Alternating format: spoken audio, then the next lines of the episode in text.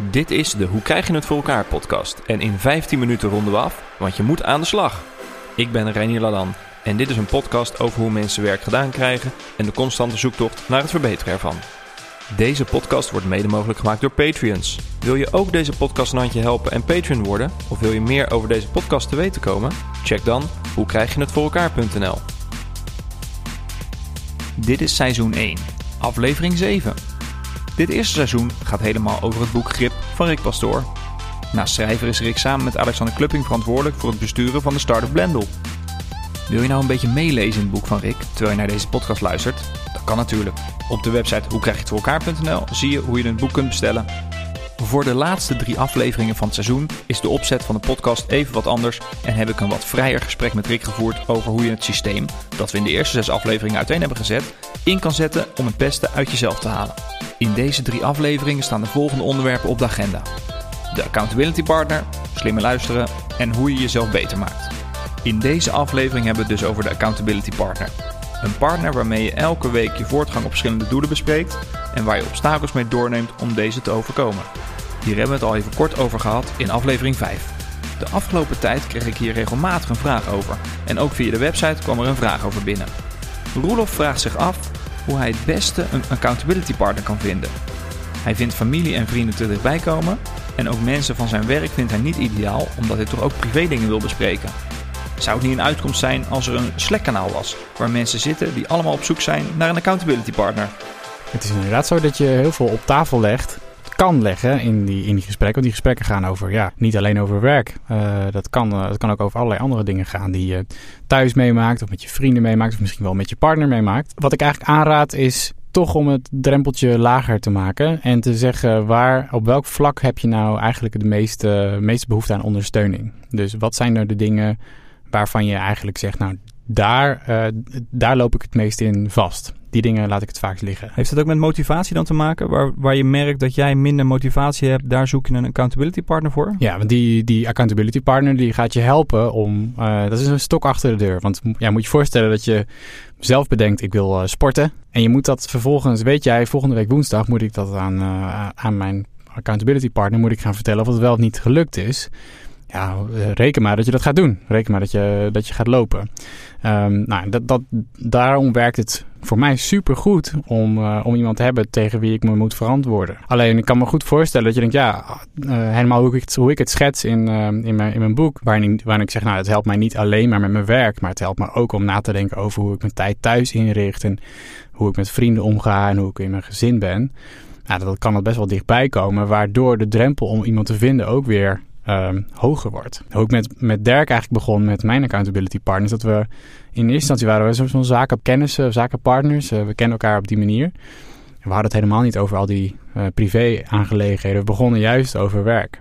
Um, en dat groeide langzamerhand. En dat kan er best zijn dat je iemand treft waarbij je dat, gevoel niet hebt en het niet zo de diepte in gaat. En dan, dan, uh, dan komt dat, dan komt dat dus, dus niet. Maar dan hou je het zelf, je kunt het zelf veilig houden door de vragen in eerste instantie anders in te steken. Maar dus zo kun je het zelf eigenlijk een beetje in, in controle houden over waar het over gaat, of het dichtbij komt of niet. Ja, misschien is het goed om nog even terug te gaan naar wat een accountability partner precies is. Uh, dus wat voor een soort rol neemt die accountability partner in het proces in. Hè? Dus we hebben de vorige zes afleveringen gepraat vooral over het systeem, het productiviteitssysteem. Ja. Dus uh, de takenlijst, e-mail, agenda en dat dan onderhouden door een wekelijkse review en een jaarlijks uh, ding, een jaarplan. Wat doet die accountability partner daar precies in? Ja, een van de dingen wat ik merk, en dat is voor iedereen waarschijnlijk zo, het volhouden van van, uh, van de dingen die je voor jezelf hebt, bedacht, is een van de moeilijkste dingen die er is. Ga maar eens een nieuwe gewoonte in, inbouwen of aanleren. Uh, dat is heel ingewikkeld. En het is heel simpel.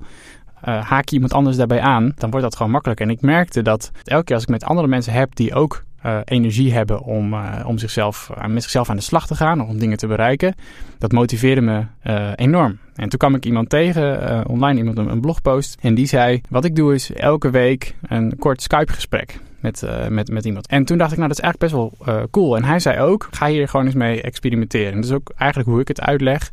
Doe eens een test. Ga eens met iemand uh, gewoon zeggen, nou, laten we dit één of twee keer doen. begin ook op die manier. Um, maar ik merkte dus door dat te doen, en toen ik Dirk mailde van, nou, weet je, zullen we dat eens proberen? Was hij eigenlijk direct enthousiast. En toen zijn we, samen aan de slag gegaan om dat eens een keer zo'n gesprek te, te voeren. Voor de aflevering uh, las je ook nog een quote voor van Twitter van degene die Hacker News heeft opgericht. Paul Graham. Paul ja. Graham inderdaad. En die zei, misschien kan je hem oplezen. Ja, ja. Nee, die zei, two people can talk themselves into doing something neither would do alone. Ja, dus dat is echt het basisprincipe van een accountability partner. Je houdt elkaar gewoon scherp en je bent eerder in staat om dingen te doen, omdat je weet dat je er, nou, misschien is afgerekend worden een groot woord. Dat is een groot woord. Uh, maar het heeft er ongeveer mee te maken, psychologisch waarschijnlijk. Het is dat, het is ook een prikkelend uh, effect, hè, want het is niet alleen maar, nou doe je wat je hebt gezegd, maar het kan ook nog zelfs zijn van, nou, weet je, je zegt dat je, dat je deze week uh, één keer gaat hardlopen, zou je niet twee? Weet je wel, kun, je niet, kun je niet nog een klein stapje meer? Of, of ja, als je elkaar een beetje kent, kun je elkaar ook een beetje nou, opjagen, is niet is het verkeerde woord, maar je kunt elkaar wel echt, echt aanmoedigen. Ja, motiveren. Motiveren, ja.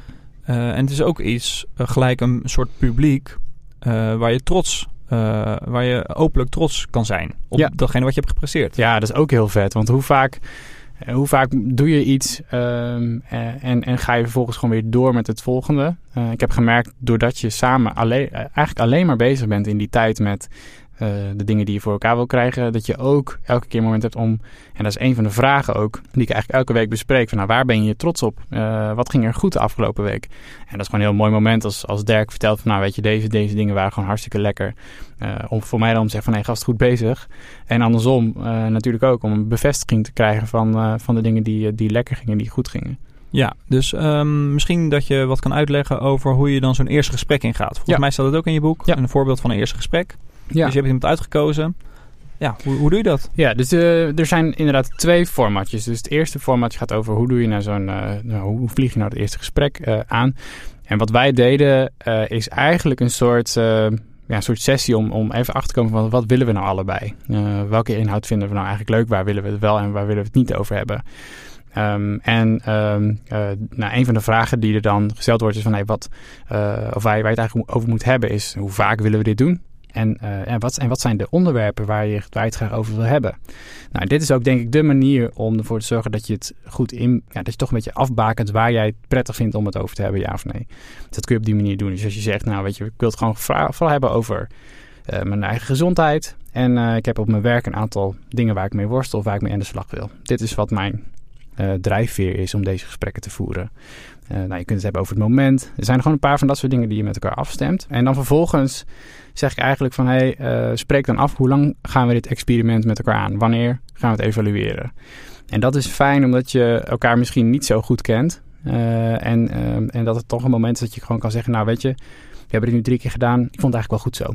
ik ga toch op zoek naar iemand anders. En dan bouw je eigenlijk een exit in... En die is wel belangrijk, omdat het echt goed moet passen.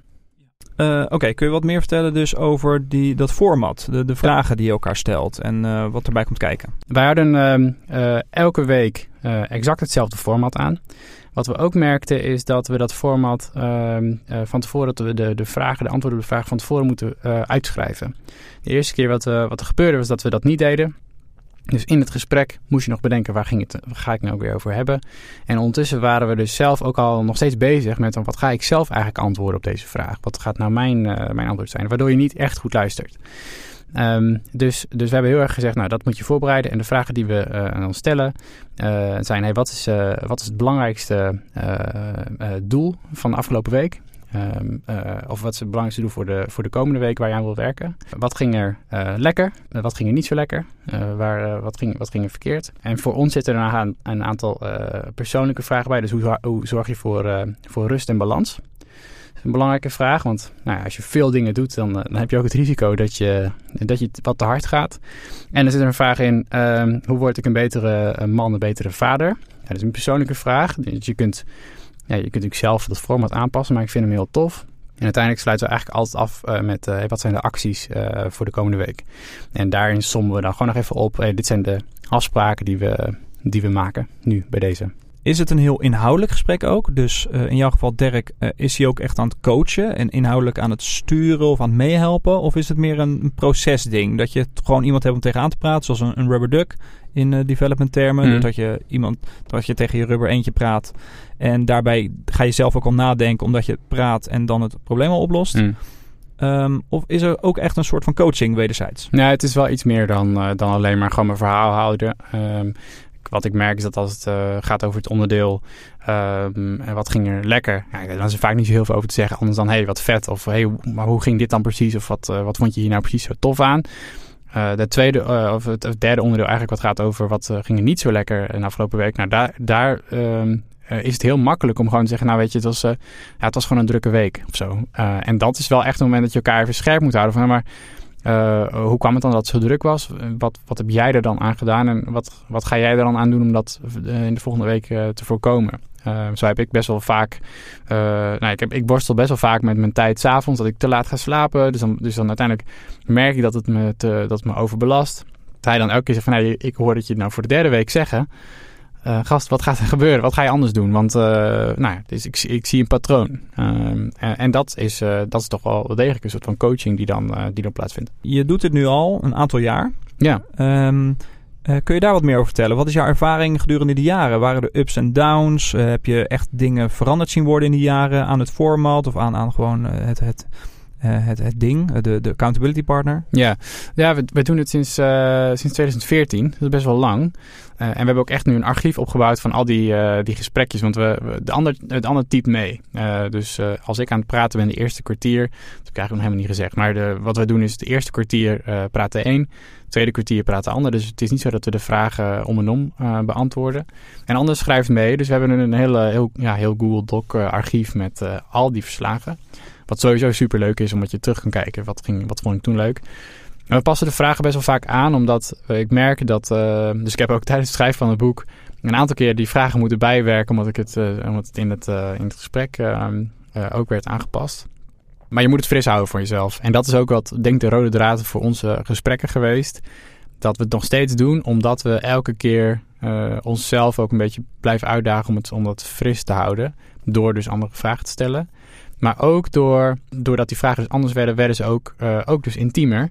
Uh, omdat je nou, toch wat meer open staat voor hey, wat, uh, wat zijn andere gebieden in, in, je leven waar je dingen over kwijt wil, waar je, waar je iets over deelt, waar je over vragen over wilt beantwoorden.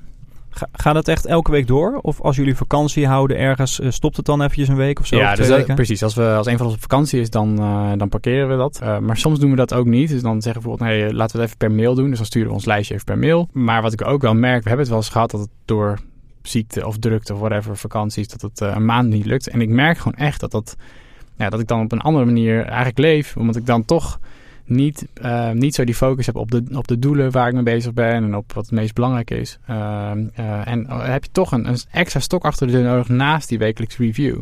En stellen jullie, misschien heb ik dat gemist, maar stellen jullie elkaar dezelfde vragen? Of hebben jullie allebei een eigen setje vragen? Ah, interessant. Nee, we, we, het zijn dezelfde. Ja. Uh, ik kan me voorstellen dat je zegt, nou, we doen uh, verschillende set, maar het, ze, zijn, ze zijn nu gewoon exact hetzelfde. Ja. Ik heb eigenlijk nog nooit echt bedacht dat dat, nee, dat ook anders kan, maar ja, dat is een goed idee. Ja, als je misschien in een ander vakgebied zit of je, je hebt echt kan totaal andere doelen. Ja, nee, ik kan me heel goed voorstellen dat je dan zegt, nou, ik wil graag dat je, de, dat je mij elke week deze vraag stelt. Dat is een, dat is een, dat is een leuke. Nou, wat ik nog wel wil zeggen over maar, het vinden van zo'n partner.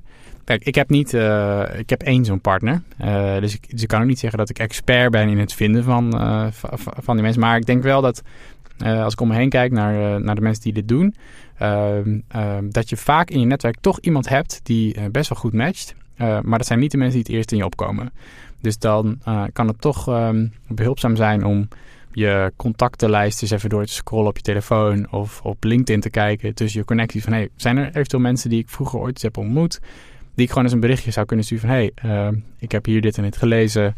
Ik zou het tof vinden eigenlijk om, uh, om zoiets, uh, zoiets te doen. En nou, misschien is het wat. Kunnen we daar eens een keer over hebben. Um, al begrijp ik hoe hoog die, die drempel is en um, ja, dat het spannend is. Maar ik denk dat dat toch de manier is om te kijken van nou, kan ik iemand vinden die...